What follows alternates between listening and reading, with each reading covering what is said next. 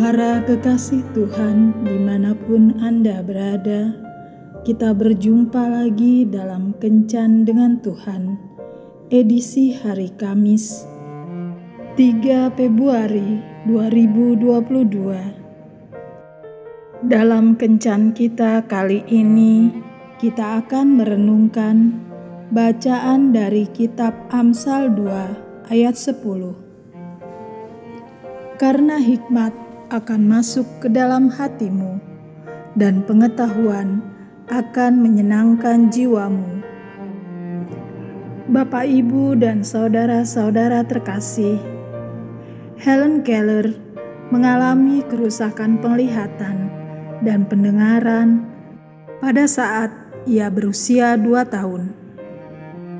Hal itu menjadi suatu bencana yang memisahkannya dari dunia.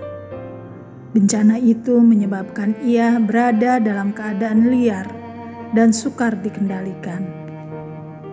Saat ia merasa tidak nyaman, ia akan menendang, mencakar, mengeluarkan teriakan tertahan dari orang bisu. Hal tersebut membuat orang tuanya bersedih dan putus harapan. Helen tetap liar dan tanpa harapan. Tetapi pada suatu hari, di tanggal 3 Maret 1887, seluruh hidupnya berubah. Pada tanggal itu, Nona Anne Mansfield Sullivan datang untuk menjadi guru Helen Keller dan mulai mengajarnya dengan kasih sayang dan kesabaran yang luar biasa, yang secara total mengubah kehidupan Helen Keller. Sentuhan kasih Nona Sullivan itu dapat menyentuh hati dan pikiran Helen Keller. Dalam waktu tiga tahun, ia berhasil mengajak Helen membaca dan menulis huruf Braille.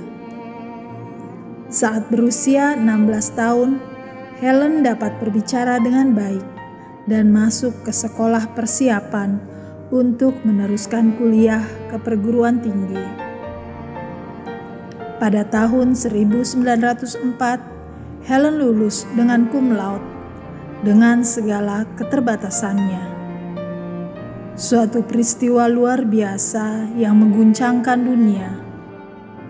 Ia lalu mencurahkan sisa hidupnya untuk membantu orang buta dan bisu tuli seperti yang dilakukan oleh gurunya dengan skala yang jauh lebih besar. Sentuhan kasih sayang dan kesabaran Nona Sullivan mampu masuk ke dalam hati dan pikiran Helen, mengubah Helen yang buta, bisu, tuli, dan tanpa harapan menjadi Helen Keller yang luar biasa. Helen Keller yang mampu mengguncangkan dunia dengan kasih dan kepeduliannya kepada mereka yang buta dan bisu tuli. Sentuhan yang paling berarti di dunia adalah sentuhan manusia. Bagi suatu hati yang terluka, sentuhan tangan kita jauh lebih berarti daripada tempat berteduh, roti, dan madu. Saat malam berlalu, tempat berteduh tidak diperlukan, dan roti dapat habis hanya untuk makanan satu hari.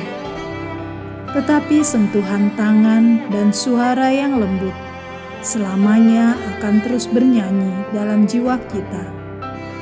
Mari kita luangkan waktu untuk memberikan sentuhan kehangatan bagi setiap jiwa yang terluka. Tuhan Yesus memberkati. Marilah kita berdoa. Tuhan Yesus, berkatilah hati dan tanganku, sehingga menyerupai hati dan tanganmu sendiri, agar setiap sentuhan yang kuberikan kepada orang yang terluka, berbeban, sakit, dan menderita dapat memberikan kesembuhan kelegaan dan damai sejahtera di hati mereka. Amin.